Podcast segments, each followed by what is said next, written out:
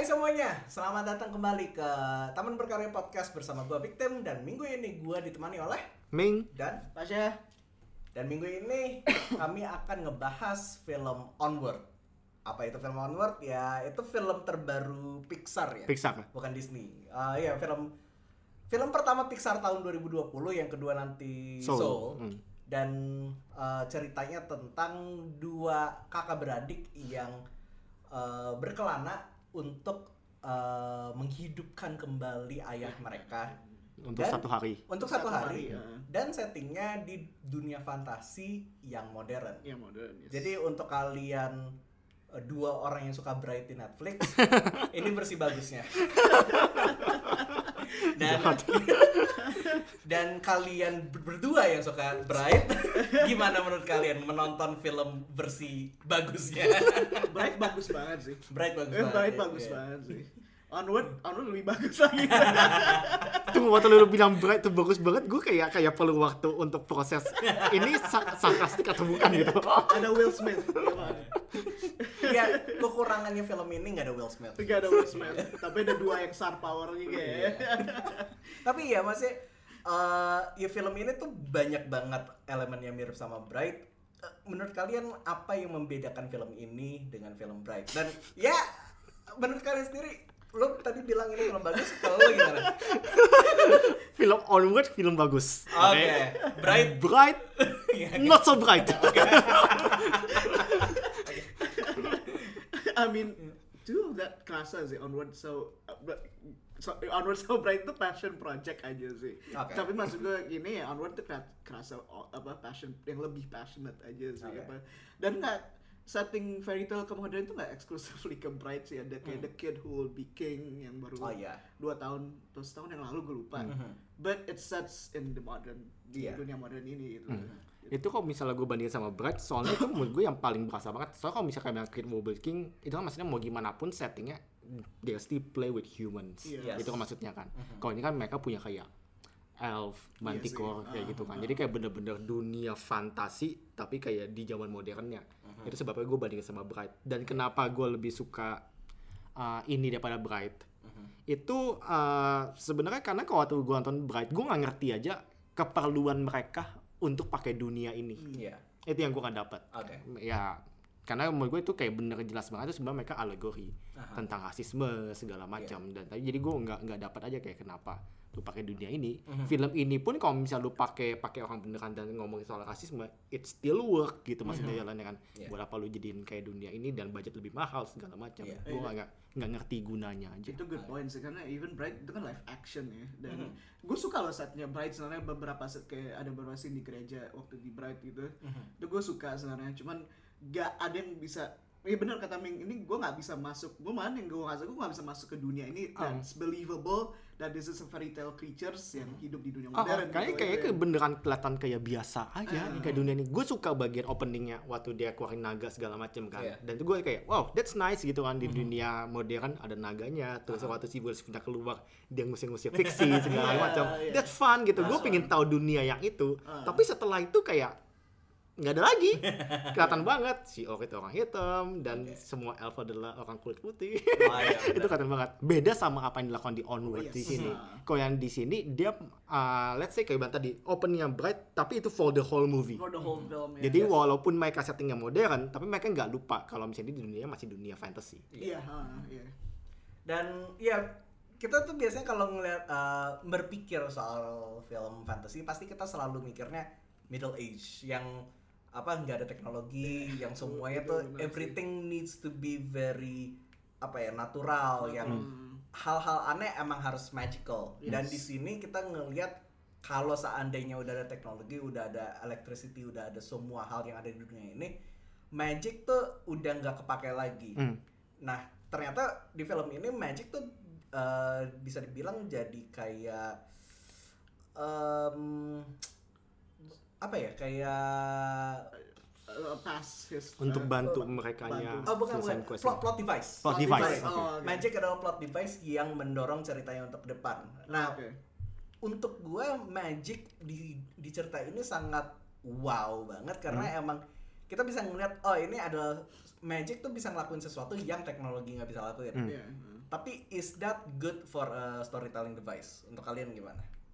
Gue sendiri sih gue agak suka sih karena that what makes me uh, langsung terjun ke dunia ini dengan gampang gitu. Itu yang what opens ke gue ke oh ya di karena gue nggak tahu uh, gue connect itu dengan yang sama dengan yang di terjadi sekarang gitu dengan teknologi mungkin teknologi masa lalu dengan teknologi sekarang gitu yang sebenarnya emang uh, apa di point out ya teknologi sekarang untuk ngebantu kita menjadi melakukan hal-hal jadi lebih gampang lah gitu kan. Magic kalau di sini ceritain eh, orang susah belajarnya orang apa di- jadi kayak ya udah kayak dulu aja ada beberapa teknologi yang kita juga nggak ngerti gitu. Iya. dan di mas eh, apa ribet dipakainya tapi yang sekarang udah bisa eh, dengan gampang gitu ngelakuin hal-hal yang kita nggak bisa sebelumnya gitu Kalau misalnya gue sendiri sih, ya memang kata sih sebagai plot device. Karena kata-kata semua quest yang mau diselesain dia untuk lewatinnya, mereka perlu magic. Gitu Ah, iya, kan. Emang itu kelihatan banget sih emang itu kan. Yes. Jadi biar bisa maju terus ceritanya, mereka perlu magic. Aha. Nah untuk itu sendiri sih, I don't mind. Gue sih maksudnya nggak nggak merasa kayak apa itu mengganggu atau enggak. Gue I don't mind. Karena emang settingnya sendiri di dunia fantasi.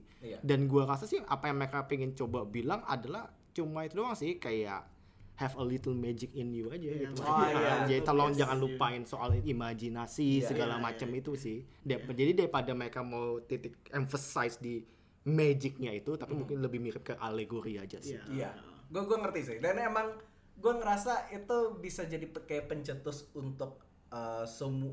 Yang gue bisa lihat adalah arc setiap uh, setiap karakter di sini karena kita bisa ngeliat uh, setiap karakter tuh mereka kehilangan sesuatu tentang ja- jati diri Jadi mereka. mereka sendiri. Dan di magics uh, magic spells yang dipakai di film ini eh di cerita ini emang walaupun digunakan untuk uh, memudahkan karakter-karakternya keluar dari masalah tapi mereka eh, magic magic spells itu juga digunain sebagai pencetus untuk mereka oh ya du sebenarnya tuh gue tuh Bisa. seorang ini gitu ah. dan gue tuh harus bisa kayak gini Ah, gitu Iya, iya, itu Jadi- dia yang dapatnya itu. Jadi daripada benar efek magicnya mungkin lebih ke arah situnya sih. Hmm, iya. Nah, eh, film-film Pixar tuh untuk gua sangat unik. Da, film Pixar dan film Disney kalau dibandingin sama film-film CG lain dari Hollywood misalnya kayak DreamWorks atau Illumination, uniknya adalah mereka jarang gunain star power. Kayak kalau kita nonton trailernya kayak we don't know who the apa pengisi suaranya tapi we're, we know we're gonna watch it and we know we're gonna enjoy it. Sedangkan kalau kita nonton DreamWorks, oh ada Steve Carell, oh ada Kristen Wiig gitu. Iya. Tapi ini per- kayaknya pertama kali gue ngeliat di mana mereka beneran ngedorong banget Chris Pratt dan Tom Holland. Why is that? MCU. ya sama-sama dimiliki Disney sih. Kayak the only reason yang bisa gue pikirkan itu sih. Tahu, mungkin karena memang mereka family friendly, mungkin karena mereka udah, udah ya itu karena MCU juga sih karena mereka udah tahu ini dan ya akan menjual gitu. I mean Soul pun juga menggunakan star power karena ada beberapa rapper dan aktor terkenal juga kan. Itu ada Soul itu kalau salah yang main eh, yang main jadi Ray itu siapa? Jadi kayak Iya apa di dia, dia dia di biopic Ray dia jadi si Ray-nya itu dia dia penyanyi juga Oh, Jamie. Foxx. Jamie Foxx kan yang main di Soul Iya. Iya, tapi kalau mereka maksudnya ke ya itu memang sih kalau misalnya menurut gue sih pasti ada voice actornya mereka pakai beberapa orang terkenal. Hmm. Tapi ya mungkin yang lu mau coba ngomong itu kayak emphasize banget. Iya. Kayak di marketingnya mereka Yes. jual si Tom Holland dan Iya, Chris mereka Pratt main ini. interview gitu ya. Ah, nyampe ada mereka interview segala macam terusnya mereka ya bener-bener nge-push kayak tulisannya Tom Holland, Chris Pratt, Iya. Onward gitu. Ya. kerasa sih gue aja nggak tahu ada Olivia Spencer juga Ah, sini. ya kan maksudnya padahal Oscar Spencer kita pun nggak tahu gitu kan Iya. karena mereka benar-benar nge-push dua orang ini Iya. jadi mukanya untuk onward ini kan Iya. itu sih gue benar-benar mikir itu karena memang masalah marketing dan well kita punya hubungan kerja yang baik dengan dua Dua bintang MCU ini iya. kenapa kita nggak pakai Iya, iya. Eh, mumpung ngebahas soal apa eh, marketing ini juga gue salah satu contoh yang paling kuat untuk gue adalah film Pixar sebelum ini yaitu Toy Story 4 Hmm. ada beberapa eh, aktor-aktor terkenal kayak Kian Peele dan Keanu Reeves Iya. tapi mereka nggak di nggak pernah di-push market kan sekali, Ah, ah, gitu. kayak mereka cuma kasih lihat ini kan di uh, karakter yang mereka mainin nama dia selesai tapi Iya. mereka nggak pernah benar-benar nge-push kayak Keanu Reeves Toy Story 4 kan mereka nggak tulisin kayak Iya. gitu Iya sih. ada kemungkinan nggak mereka agak takut eh, antara Disney atau marketing divisionnya mereka agak takut film ini akan undersell kalau orang-orang nggak tahu kalau Tom Holland dan Chris Pratt yang mengisi suaranya. Hmm, kalau gue bilang sih enggak sih. Itu ini beneran cuma nge-boost aja. Karena karena mau gimana pun it's a Pixar movie. Iya. Lu pasang tulisan Pixar dan judul title filmnya, Hmm. gue rasa itu masih menjual sih. Iya, iya. makanya di poster sama Disney dan Pixar sih. Ah, iya. udah pasti kalau misalnya Pixar di situ udah pasti menjual. Cuma kemarin tadi mereka punya punya dua star power ini, why not? I think they Untuk ngeboost aja kayak Iya, adrenalin aja. ngetes aja sih kayak e- even dengan nama Disney Pixar bisa tambah lagi Iya, dengan why nama not gitu kan? Gitu Ah, kan. kenapa Nah, tidak? Kenapa enggak sih? Eh, satu hal lagi dari marketing yang gua agak ngerasa aneh tentang film ini, gue cuma ngelihat satu trailer soal film ini. Kayak gue nggak pernah ngeliat TV spots, gue nggak pernah ngeliat sneak peeks atau eh, kayak random clips yang di di promote di YouTube gitu. Gue cuman posternya aja gue cuman ngelihat poster yang dua karakter utama naik van-nya gitu. Iya. Dan gue nggak ngeliat kayak karakter posters masing-masing Iya. karakter Hmm. gitu Iya. why Ke- kenapa gue nggak ngerasa kayak marketingnya tuh nge-push banget film ini ya Kalau misalnya gue pribadi ya, Ah. emang sama sih gue merasakan itu. Tapi ya gue cuma ingat kayak gue cuma lihat posternya tadi, satu trailer dan satu teaser. Iya. Yang bener-bener awal banget mereka kayak pernah pamerin kayak ini film Pixar yang baru Onward Iya, gitu. iya. gue malah nggak pernah ngeliat teaser Apa teaser? Ya, mereka cuma kayak bener-bener kasih lihat ini ada aduh kakak beradik, terima kasih Tony Tom Holland ini Chris Pratt. Iya. Kurang lebih sih kayak gitu. Udah terus otomatis trailernya untuk tentang cerita tentang apa gitu kan. Jadi ya kalau misalnya gue sendiri sih gue agak gitu kaget sih. Karena gue lihat ini kayak sesuatu yang yang memang sejalan dengan apa yang dilakukan oleh mereka sebelumnya aja. Waktu gue di Incredibles pun gue merasa hal yang sama. Waktu Incredibles 2. oh masa ya Iya, gue juga merasa hal yang sama. Maksudnya ya mereka kasih lihat kayak ada kata Jack Jack segala macam. Itu karena mereka punya nama Incredibles gitu Iya. kan. Tapi setelah itu gue juga nggak nggak hampir nggak lihat kayak ada TV spot atau yang lainnya dari Incredibles. Oh, iya. Gue rasa mereka cuma karena karena biasanya yang gue lihat apa yang uh, agenda si Pixar itu yang biasa gue lihat adalah mereka keluar kalau misalnya keluarin dua film biasanya dibagi dua juga untuk marketing dan main powernya. Biasanya di tengah itu yang film pertamanya itu kayak middlingnya. Nanti gedenya atau belakangnya. Iya. Kalau misalnya untuk Incredibles adalah setelah itu kayak It Ralph. oh Dan iya, di situ masuk waktu lu nonton pun bisa bedain banget kan Incredibles kayak iya untuk ukuran Pixar iya, memang bagus gitu kan materialnya segala lighting segala macam yang Iya. bagus tapi begitu lu lihat ini kayak itu beda banget tuh megah banget langsung Iya. Jadi gua rasanya hal yang sama akan terjadi di sini juga. Jadi kalau misalnya lu merasa di sini kayak kok mereka cheap banget ya Aha. untuk bagian marketingnya Aha. untuk soal uh, kualitas filmnya juga Hmm. gitu. Karena gua rasa sih nanti yang bakal gedenya itu nanti di film Soul ini. Oh. Iya, maksud kayak fill in the quota aja sih kayaknya Ah, sih kuota karena kayak mereka perlu aja. lah ah, gitu kayak mau kan. rilis aja. Ah. jadi mereka mungkin kayak ya, oke let's let's do something gitu. Iya, dan gue gak tau sih coba bisa ngecek sutradaranya si Onward nggak so gue gak bakal kaget kalau misalnya mereka kayak first time director sih. Nah, itu saudaranya Onward itu buat Monsters University.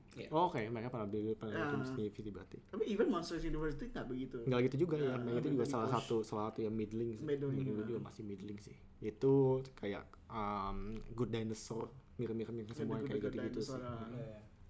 ya gak- untuk gue kalau untuk standarnya Pixar yang paling rendah emang Good Dinosaur sih gak, gak ada yang lebih buruk dari itu Cars tuh gue masih bisa enjoy tapi Good Dinosaur oh my god Tunggu, yang, Plants yang masuk keluar bioskop eh, itu nggak masuk bioskop kan Nah, technically masuk, tapi Masuk. bioskop keluar. Bioskop Indonesia kayaknya nggak keluar. Keluar? Atau Yakin lu? keluarnya di CGV, nggak ada di tahun Mungkin. Kalau makanya gue tahu gue ada posternya. Gue gue ya gue gue inget maksudnya. So Please sih gue itu kayak direct to DVD punya punya movie gitu. Ya, saya ingat gue emang keluar ke CGV, tapi you know me, gue nggak nganggap CGV bioskop. di Indonesia cuma ada dua apa franchise yaitu XXI dan Sino. Cinema- gue nonton Parasite dulu di CGV. Ya jadi lo nggak nonton di bioskop kan? Dasar pembajak lo. Tapi iya maksudnya kalau untuk kat- kategori Pixar, gue sebenarnya sangat suka film ini. Gue untuk film animasi, gue punya personal ranking. Kalau gue nontonnya biasa aja, nggak ada nggak ada impression apa apa, gue kecewa. Tapi kalau gue uh, film-film Disney atau Pixar yang bisa bikin gua nah, hampir nangis gitu itu gua anggap bagus banget dan film ini hampir bikin gua nangis karena emang jujur awalnya gua anggap opening kayak the first 30 minutes the first act-nya tuh kerasa kayak film DreamWorks. Iya, kayak iya. temponya karakter karakter karakternya gitu. Ini kayak everything about the film it it screams DreamWorks. Hmm. tapi pas satu questnya mulai gue kayak oh, oke mereka sebenarnya mau kayak gini. Dan pas satu menuju akhirnya kita kayak ngeliat oke konflik masing-masing karakter kayak gini dan uh, cerita yang mereka mau kemas tuh ini gue kayak oke ini adalah Pixar yang gue tahu ini adalah Pixar yang bisa bikin gue emosional banget Hmm, Dan walaupun tapi menurut gue ini juga lumayan maksudnya kelihatan jelas sih kayak kapan mereka tak yang, yang punya punya Iya. heart gitu. Iya, itu mesti kelihatan jelas. Yang lain kan nggak tahu ya menurut gue tapi kayak yang lainnya kayak lebih flow, lebih enak aja. Nah, oke. Lebih lebih enak aja. Kalau ini kayak kelihatan banget kayak jelas kayak oh it's time. Oh ini saatnya lu lagi coba bikin gue nangis Oh. gitu. kelihatan banget gitu kayak. Ini "Oh, lebih on the nose." time." Iya, iya kayak oh it's time. Oh oke. Oke gini ya lu coba lagi bikin coba-coba nangis I segala kinda macam gitu. disagree with that karena gue gak merasakan itu apa Hmm. I think it flows nicely apalagi dan gue emang kerasa this is a different Pixar film buat gue ya Hmm. kayak agak beda aja sih karena this is fun. Maksud gue bukan Disney Pixar film dia gak fun. Cuman Iya. ini kayak just way more fun daripada yang lainnya. Maksudnya kayak komedinya is just ev- everywhere gitu loh. Dan Hmm. the- I think the comedy yang sticks ke gue gitu loh ke- dari film Hmm, ini. Dan- mungkin sih, mungkin. Eh, apa dan eh, ceritanya karena itu ceritanya jadi flows well dan di akhir pun gue oh ternyata kayak gitu loh ceritanya. Gue gue nggak ini tetap kemasan DreamWorks dalam komedi dan beberapa hal cuma it's still a Pixar kind of story gitu kan di mana Hmm, Oke. I, I think there's feels ada yang bikin gue nge-feel tapi nggak nggak terpaksa gitu kayaknya Hmm. pas sampai situ emang agak bikin gue nangis cuman iya ya you know but nangisnya tuh nangis happy yang kayak oh this is just a fun happy Hmm. film yang trying to say something ya yang dapat yang kena gitu loh. Hmm. Ya soalnya waktu I tadi waktu lu bilang kayak DreamWorks itu gue juga setuju sih soalnya sih karena tadi. Karena waktu gue kata ya kalau misalnya menurut gue Pixar itu apalagi soal penulisannya Iya. itu kayak bener-bener on the whole new Yes. level gitu menurut gue itu kayak bener-bener expertly done lah gitu kan. Nah kalau yang ini gue nggak bilang flow-nya jelek maksudnya nggak nggak tiba-tiba ngejam atau Iya. apa nggak jelas ceritanya ini jelas kok itu maksudnya kayak kayak gue ngerti apa yang terjadi kenapa dari sini ke sini A dari poin A ke B segala macam gue ngerti cuma kayak tadi gue cuma merasa itu kelihatan jelas aja Yes, Iya sih. itu yang gue gue ngerti banget sih. Ngerti sih. Dan eh iya, gue bisa bilang itu salah satu kekurangan film ini yang gue I don't really mind karena Iya, gue bisa karena ngeliat, karena ya, emang but it's a fun movie, Yes. jadi I don't mind. Aha. Iya. Apakah bisa dibungkusnya lebih bagus? Bisa Hmm. sih, cuman eh gua rasa mereka tuh mempunyai sebuah target dengan apa yang film ini pengen capai dan untuk gua tercapai aja. Tercapai, ah, Cuman dan- menuju targetnya itu yang agak bisa lebih bagus. Bisa lebih bagus lagi dan dan satu lagi yang mungkin uh, ini kan tentang kayak sibling bond gitu kan. Iya. Ya, jadi ini menurut gue sih kayak companion piece-nya Frozen aja sih. Kalau Frozen tentang sister, ini kayak tentang Hmm. Oh iya, brother. benar benar benar. Soalnya gue juga gue bilang mikirnya ke Meet the Robinsons loh ini. Mr. Robinson. Meet the Robinson. Wah, dia yang, sama. eh, eh, karena mirip kalau kalau kalian inget ini karena Meet the Robinson bikin gue nangis banget sih waktu kecil sih. Ya, karena emang ceritanya kan kalau Meet the Robinson ceritanya tentang si anak Dia ke masa depan. dia, ya, dia ke masa gue depan ya. tapi ingin ketemu ibunya lagi dengan tapi dengan syarat dia harus bantu orang yang di masa depan itu lah gitu. Jadi Oh, oke, sya- gitu. jadi dia pengen ketemu ibu dia lagi yang pasti dia ditinggalin di eh, sebuah yatim piatu gitu loh. Cuman ternyata dia nggak butuh itu gitu. Hmm. Iya, dia ketemu keluarganya. Eh, ketemu keluarganya Segala macam di situ jadi ya, gue iya ingat. kayak gitu kan ini tetap tetap jadi dia ketemu sibling di dari masa depan gitu lah gitu Hmm. jadi ini siblingnya mereka gitu jadi ya keluarga dari mana aja ya bisa dari kakak atau adik gitu kan Hmm, oke. Ini gue malah mikirnya ke arah situ jadi mirip ke kayak the better version of Meet the Robinson saja sih but uh, it's a good film. It's a good film, it's a Iya, good iya, film. iya. Yeah, it's a good film. Kita nggak bilang itu jelek ya. Iya, memang. It's a good film, it's a good film. gue inget gue gue pernah nonton Best Robinson cuma karena film lumayan lama sih, gue agak lupa sih. Iya, gue iya tentang dia ke masa depan dan ketemu keluarganya. Dan kalau nggak salah gitu. keluarganya punya hewan peliharaan T-Rex. Iya, keluarganya itu tetap sedarah sama si Iya. ini. Ah, Ya. kayak kayak bener-bener keluarga gitu, gue agak-agak lupa tapi itu ceritanya. itu convoluted story aja sih sebenarnya cuman kalau ini yang lebih simpelnya aja Iya, banget. gua, Nah, rasa cerita ini sebenarnya sangat simple banget sih dan pengem, eh, cara mereka menceritakan cerita ini juga sangat simple tapi karena mereka kemasnya dalam eh, setting fantasi gitu dan nge ngebaur eh, elemen-elemen modern sama elemen-elemen fantasi it feels complicated tapi kalau di emang dianalisis it's a very simple It's a story. very simple story. Dan Iya. waktu lu bilang marketingnya kencengin dua orang ini si Tom Hmm. Holland sama Chris Pratt, menurut gue itu juga salah satu um, langkah yang baik lah. Hmm. Karena waktu gue nonton filmnya pun, itu gue emang having fun aja sama di dua orang. Emang emang cocok aja gitu Iya. walaupun mereka sebagai cuma voice actor doang kan Iya. tapi menurut gue beneran berasa banget chemistry-nya Yes. sebagai Ah. kakak adik gitu kan Iya, kakak adik. Ah, jadi kalau misalnya emang dia mau nge-push di dua karat- dua voice actor ini menurut gue sih memang masuk akal sih Masuk akal. karena waktu gue nonton pun menurut gue ini dua orang yang nge-carry ini film Iya, benar. Iya sih, karena bagi fokusnya ke kalau Ah, dua ah, kok ya. memang nggak gitu. sih? Maksud- iya, maksudnya walaupun mereka nggak beneran act di depan Iya. kamera kan, tapi sebagai voice actor pun menurut gue mereka udah carry ini film beneran. Ngomong-ngomong kita kan tadi ngomong eh, nontonnya bertiga barengan di hari ini tanggal 29 Februari. Iya. Which is ah jadi anak jaksel gue pakai which is. Tapi ya eh, hari ini adalah hari spesial karena ini hari leap year, hari Iya, iya. kehabisan. Kehabisan. Gitu. Kehabisan. Yang terjadi empat tahun sekali. Gue kira eh, Onward tuh ngelakuin i, ada sebuah event di mana bukan cuma di Indonesia tapi di beberapa negara selama satu hari ini film ini ditayangin sampai 24 jam. Jadi semua orang bisa nonton beberapa hari sebelum tayang reguler minggu depan gitu. Iya. Gue kira emang ada cerita, ada kaitannya ke ceritanya Onward, tapi ternyata enggak. Ternyata nggak ada.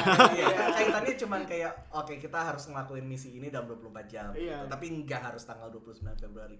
Nah, gue ngelihat ini tuh sebuah decision Disney, bukan decision bioskop-bioskop untuk nayangin Hmm. film ini duluan selama satu hari. Why? gue gue nggak kepikiran apa alasannya Disney pengen banyak banget bioskop di berbagai macam negara untuk nayangin tanggal 29 Februari. Lagi pengen Gue cuma gimmick aja sih kalau gue Gimmick sih. aja ya. Gimmick Biasa- ya, lagi biasa pengen gimmick. baik Iya, aja. kayak mereka bilang ini empat empat tahun sekali gitu kan. Hmm. Kayak ya why not? Kita punya film, tayangin aja. gue bener-bener anggapnya cuma cuma gimmick sih. Mungkin kayak Ah, iya. samain kayak kayak 24 jam di hari yang spesial, I guess. Mungkin gue Eh, kalau misalnya di karakter di filmnya kan gue tadi kan dia bisa Iya. ketemu ayah sebagai 24 jam. Iya. Kalau kita cuma kayak Bisa nonton 4 sama- tahun sekali 24 jam ada tanggal 29 ya gitu.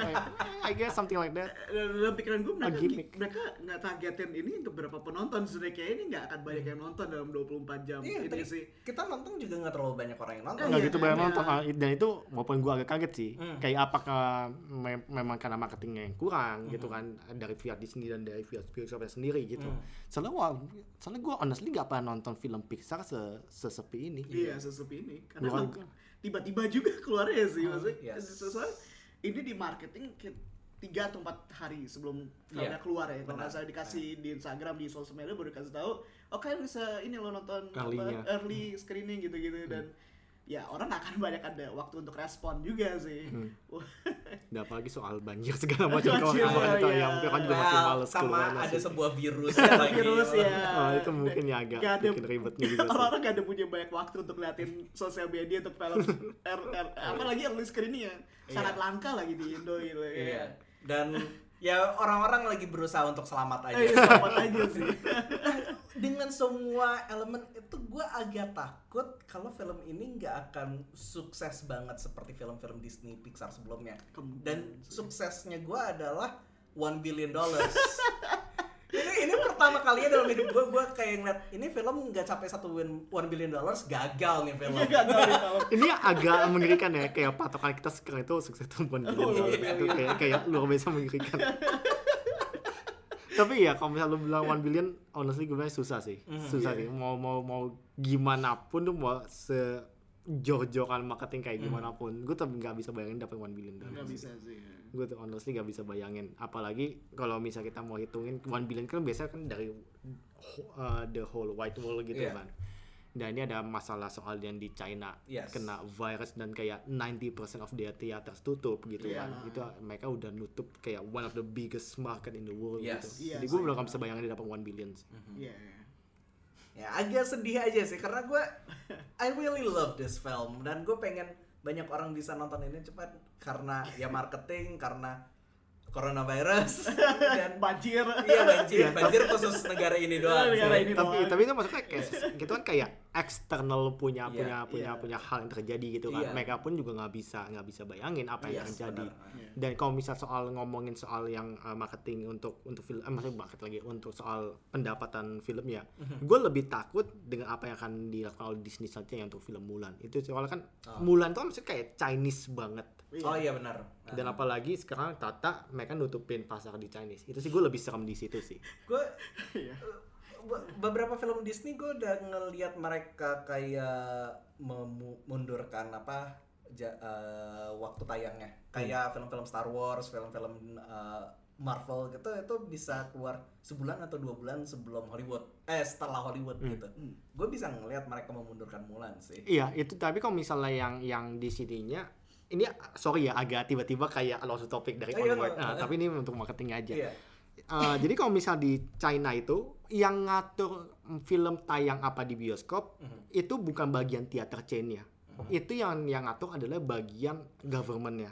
Oh, Dan kalau misal kita lihat 90% teater tutup, Mhm. yang berdampak itu cuma bukan cuma film dari luarnya, film lokal mereka sendiri juga kena. Kena iya benar sih. Nah, jadi apa kalau misalnya dan kita tahu apa itu Chinese yang negaranya lumayan cinta negara lah. Iya. ya kan? negara. Jadi mereka pun kalau misalnya emang kayak waktu saatnya bioskop sudah buka, yang dipush pertama kali ada film lokal. Iya. Jadi gue nggak yakin kalau misalnya film-film yang yang kayak Mulan segala macam, karena walaupun mereka mau mundurin ke belakang, mundurinnya itu harus bisa berapa lama. Iya. Dan dia juga harus mikirin lagi film-film lanjutannya yang lainnya yang bakal masuk ke ke ke China juga. China, ya. Otomatis kan semua ber- merendah tuh semuanya Iya. kan. Jadi apakah lu ya mau take that risk yang belum tentu bakal ditayangin karena otomatis pemerintah bakal uh, dukungnya lokal dulu Iya. atau lu mau mau motong saat itu aja dan kita ambil nextnya aja film apa pun yang lancar masuk itu nanti Iya, iya. Dan ya, maksudnya kalau kita eh, kembali lagi ke onward soal itu, misalnya kayak film Frozen 2 kemarin pas keluar itu banyak banget penonton yang langsung nonton, jadi Iya. ba- banyak rekor yang terpecahkan lah Hmm. untuk sebuah film animasi. Hmm.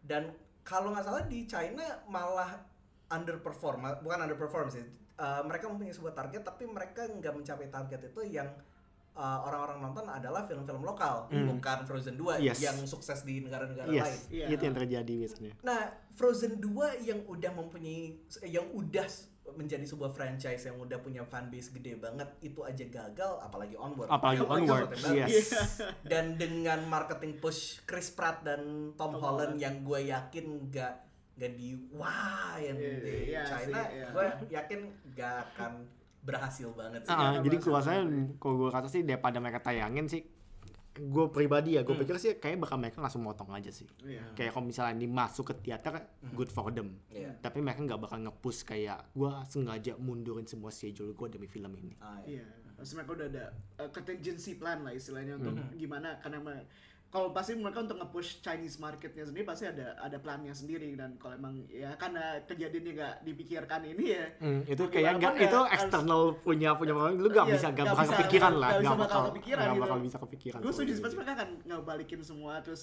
rollback aja jadi yang fokusnya ke di luar Cina aja gitu yang fokusnya yang bisa kita keluarin aja sekarang gitu Hmm. Iya, benar sih. jadi kalau misal one billion Nah, sayang sekali sih. ya lu bisa mencoba mendukung dengan nonton berkali-kali ke bioskop Iya, gue gue nonton La La Land 11 kali, gue bisa nontonin 12 kali lah. mungkin dengan ini kita bisa dapat banyak early screening kali ya kita dapat corona begitu yang gue berharap sih, karena emang itu sesuatu yang jarang terjadi di Indonesia. Dan Iya. ini emang kebetulan Disney-nya aja yang mendorong sih. Tapi gue tadinya berharap kalau banyak orang yang nonton hari ini itu akan kayak memotivasi yang 21 atau Cinemax atau CGV untuk untuk kayak oke ini ternyata ada marketnya orang-orang yang pengen nonton lebih awal gitu Hmm. itu bisa mereka eh, apa kerja sama sama distributor di Indonesia eh bisa nggak kita dapat film-film luar untuk ditayang Untuk lebih screening awal ah, gitu. itu gue gak tahu sih kayak kayak apa ini cuma lagi waktunya kemarin tadi kayak Hmm. kebetulan aja mereka nge-push Iya. tapi di Cinepolis sendiri juga mereka bakal melakukan early screening selain onward ini Hmm. Iya. Guns Akimbo oh iya iya. film dari Radcliffe yang baru itu gue kaget sih soalnya kalau misalnya ini kita bisa jelas Hmm. kemungkinan Disney yang yang yang mau nge-push kan Iya. Iya. tapi di other movie kayak Itu apakah itu controversial itu teater kan yang midnight screening early screening oh, oke so to recap Hmm. eh, onward adalah film bagus gue gue sangat suka Hmm. dan walaupun ada kekurangan-kekurangannya seperti open the first act-nya remind me of DreamWorks films gitu Hmm. tapi eh, pas waktu gue udah tahu oke ini ceritanya kayak gini mereka pengen melakukan hal ini ngebahas temanya tuh Hmm. apa gue sangat suka dan emang konfliknya tuh sangat close to my heart banget jadi gue bisa relate ke apa yang lagi terjadi Hmm. dan ya gua anggap jadi one of my fav maybe nggak favorite top 5 tapi one of the lu menurut lu masih di high bisa lah Ah, untuk iya. di Pixar sendiri menurut lu kalau gue sendiri gue juga setuju ini film yang bagus Mhm. tapi mu- tapi gue sendiri sih mungkin put in the middle sih oke kayak kayak kalau misalnya high tier itu menurut gue udah, udah kayak bener-bener kayak Toy Story segala macam itu bener-bener Out. high Mhm. tier banget Yes. lah. ini kayak lebih ke middle mungkin mirip ke arah Coco Coco oke Eh, gue iya, suka Kak. banget Gue suka Ah, banget. kayak ya. kayak kayak kalau misalnya Coco mungkin 8 gitu ini kayak 7 7 and a Oh, half. Oke. kurang lebih masih masih di situ lah Oke. so kalau misalnya Toy Story kan tuh kayak a 9 yes Iya, ya kan itu ya, Nah, itu- jadi kemarin gue kayak gue bilang mungkin lebih mirip ke Coco daripada ke, ke, ke Toy Story iya benar Iya. Nah, dan kalau misalnya film sendiri, ya gue juga suka. Apalagi uh, soal soal uh, apa sih namanya yang di belakangnya berubah. Pertama kali gue kira mereka ngomongin soal kebetulan di fatherhood segala macam iya. kan. Total ternyata mereka lebih ngomong soal brotherhood Iya, kayak gitu-gitu ah, kan. Ya, itu gue juga suka. Cuma mungkin kalau misalnya lu punya saudara cowok lebih berasa sih. Honestly ya. So gue merasa kayak gitu. Soalnya kayak kayak kayak ini gue tadi gue merasa ini film bener-bener dia ngomongin soal brotherhood banget gitu. Apalagi mereka tentang tentang apa sih namanya kan road trip Yes. dan dan walaupun yes dia punya ada bapak di situ tapi come on bapaknya cuma kayak di bagian lower house Iya. Kayak the heart of the film adalah tentang two brothers ini. Yes, Iya. itu dia makanya gue bilang kayak bener-bener ini untuk untuk eh, untuk brotherhood banget yang gue dapat sama ya it's a fun movie, it's hot, heartwarming, cuma menurut gue masih di middle sih. Oke. Ya kalau buat gue, gue gue mungkin akan kayak Ming kalau misalnya gue nggak kaget I was enjoyed by this film karena pas ini keluar pun trailer teaser gue juga nggak nggak begitu apa nggak begitu pengen nonton juga kayak ya udah eh, ini another Pixar film yang gue tungguin ya si Soul itu daripada Onward. Pas gue nonton itu I had fun. Iya. dan ini seru dan kayak ya itu ini kayak bro com- bro comedy gitu. Jadi Iya. kayak kayak do date lah istilahnya kayak date date, Eh, comedy kayak do date dan but it still has a heart gitu. Kayak tetap ada kayak perasaan ci- cita-cita dari Pixar dan gitu-gitu Hmm, dan yang masih masih kayak pulling your Oh, heartstrings. iya, pulling itu our- masih pulling masih our masih- heartstrings ah, gitu walaupun bentuk ceritanya sebenarnya kan kayak tadi simple gitu kan ini kan Ah. sebenarnya kayak quest D&D sebenarnya Iya, itu oh kan iya, D&D iya. quest Gue gue ngerasa dulu pernah ada film uh, Dungeons and Dragons yang keluar dan gak bagus banget. bagus banget tuh Ya, kayaknya selam bertahun-tahun ini ada beberapa attempt in making a Dungeons and Dragons story untuk gue yang paling successful untuk saat ini adalah ini. ini ini ini yes, benar-benar ya. kayak benar-benar D&D quest banget dan apalagi karakter sendiri juga main D&D gitu Iya. kan Oh iya. cuma benar. cuma bedanya kalau di sini based on fantasy kalau dia kan di situ based on history Iya. Iya, mak- maksudnya ceritanya agak familiar with the twist aja sih. Mhm. Dan, dan ya itu yang bikin fun itu ya komedinya dan uh, hearts yang passionate dari yang si director ini kayak emang cita passionnya dia aja sih. it's, it's like a small intimate movie Uh, movie ya kayak ya gue gue gue nangkap sih kayak gitu sih uh, Secret Life of Walter Mitty-nya si Ben Stiller gitu lah. Iya, Iya, bisa. mirip kayak ke arah situ. Jadi you you get something out of it, you had fun. It's not a bad film dan menurut it's a gue ini- fun it's a fun Iya, movie Iya, it's a really fun film dan ya mungkin gak Toy Story atau Inside Out atau Zootopia, but the world building mirip agak Zootopia di mana gue Iya. tertarik lebih ke world Yes. dunia Hmm, di situ. world buildingnya ma- bagus sih kayak Hmm. tadi kalau dia apalagi dibanding sama Bright gitu kan ini kayak kayak kayak udah langit dan bumi gitu sih perbedaannya sih Kalau seandainya ada sequelnya atau ada spin-offnya, kalian tertarik? kalau ada sequelnya uh, gue sih nggak kepikiran sih mereka Hmm. bakal mau coba bikin apa lagi jadi mungkin gue bakal lebih mirip kalau misalnya dia keluar kayak gue bakal ngecek trailernya kalau menarik gue bakal nonton Iya. lebih kayak gitu sih tapi gue gak bakal bilang kayak ih kok mereka bikin sequel Oh, jadi ya kan ih gitu gak, nggak nyampe kayak gitu sih Tapi kalau ada spin-off, bukan sequel. Jadi spin-offnya tuh bukan Hmm. tentang dunianya berarti Iya. Dia might be fun, tapi gue cuma bisa bayangin itu mungkin sebagai short film. Oke. Gue malah mikirnya kayak serius aja sih, pasti masuk ke kayak DreamWorks bikin seriesnya How to Train Your Dragon Oh aja iya gitu. bisa bisa. Bisa aja ke situ sih. Kalau sequel kalau misalnya mereka, gue takutnya kalau sequel mereka fokusnya ke komedinya aja dan lost that inspiration dari director yang Iya. awal itu yang yang punya cerita yang dia pengen ceritain gitu. Dan itu yang gue takut juga kalau misalnya jadi series. So series kan a long form of storytelling kan. Yeah. Dan gue nggak dapat aja kayak sebenarnya apa lagi di dunia. Kecuali kalau misalnya emang kayak a small movie aja kayak misalnya dia bikin bikin tentang short film soal di barnya Manticore. Oke. pas lagi Natal. Iya. Misalnya gue bisa bayangin mereka melakukan bisa itu. sih kayak gitu Tapi kalau misalnya kayak dia bikin long form storytelling kayak How to Train Your Dragon, gue gak bisa bayangin. How to Train Your Dragon itu karena memang ada bukunya ad- ada bukunya dan karakternya memang ada. Maksudnya jelas lah mereka beneran ada musuh. Iya. Terus mereka gimana harus ke- kerja sama dengan naga segala Iya. macam. Itu benar-benar bisa. Gue bisa bayangin sebagai long form storytelling. Kalau ini kan dia mereka lebih lebih fokus ke relationship karakternya gitu. Iya. Mhm. Dan gue gak bisa bayangin itu sebagai long form storytelling. Eh, iya itu ya itu emang lebih ke arah DreamWorks saja sih. Itu emang lebih ke eh, strukturnya DreamWorks di mana mereka ngeluarin kayak Boss Baby atau apa, pasti ada series lah itu kan. Kalau Disney, ya Disney Pixar juga belum ada series. Oh. Dari- bisa ke Disney Plus sih. Ah, bisa.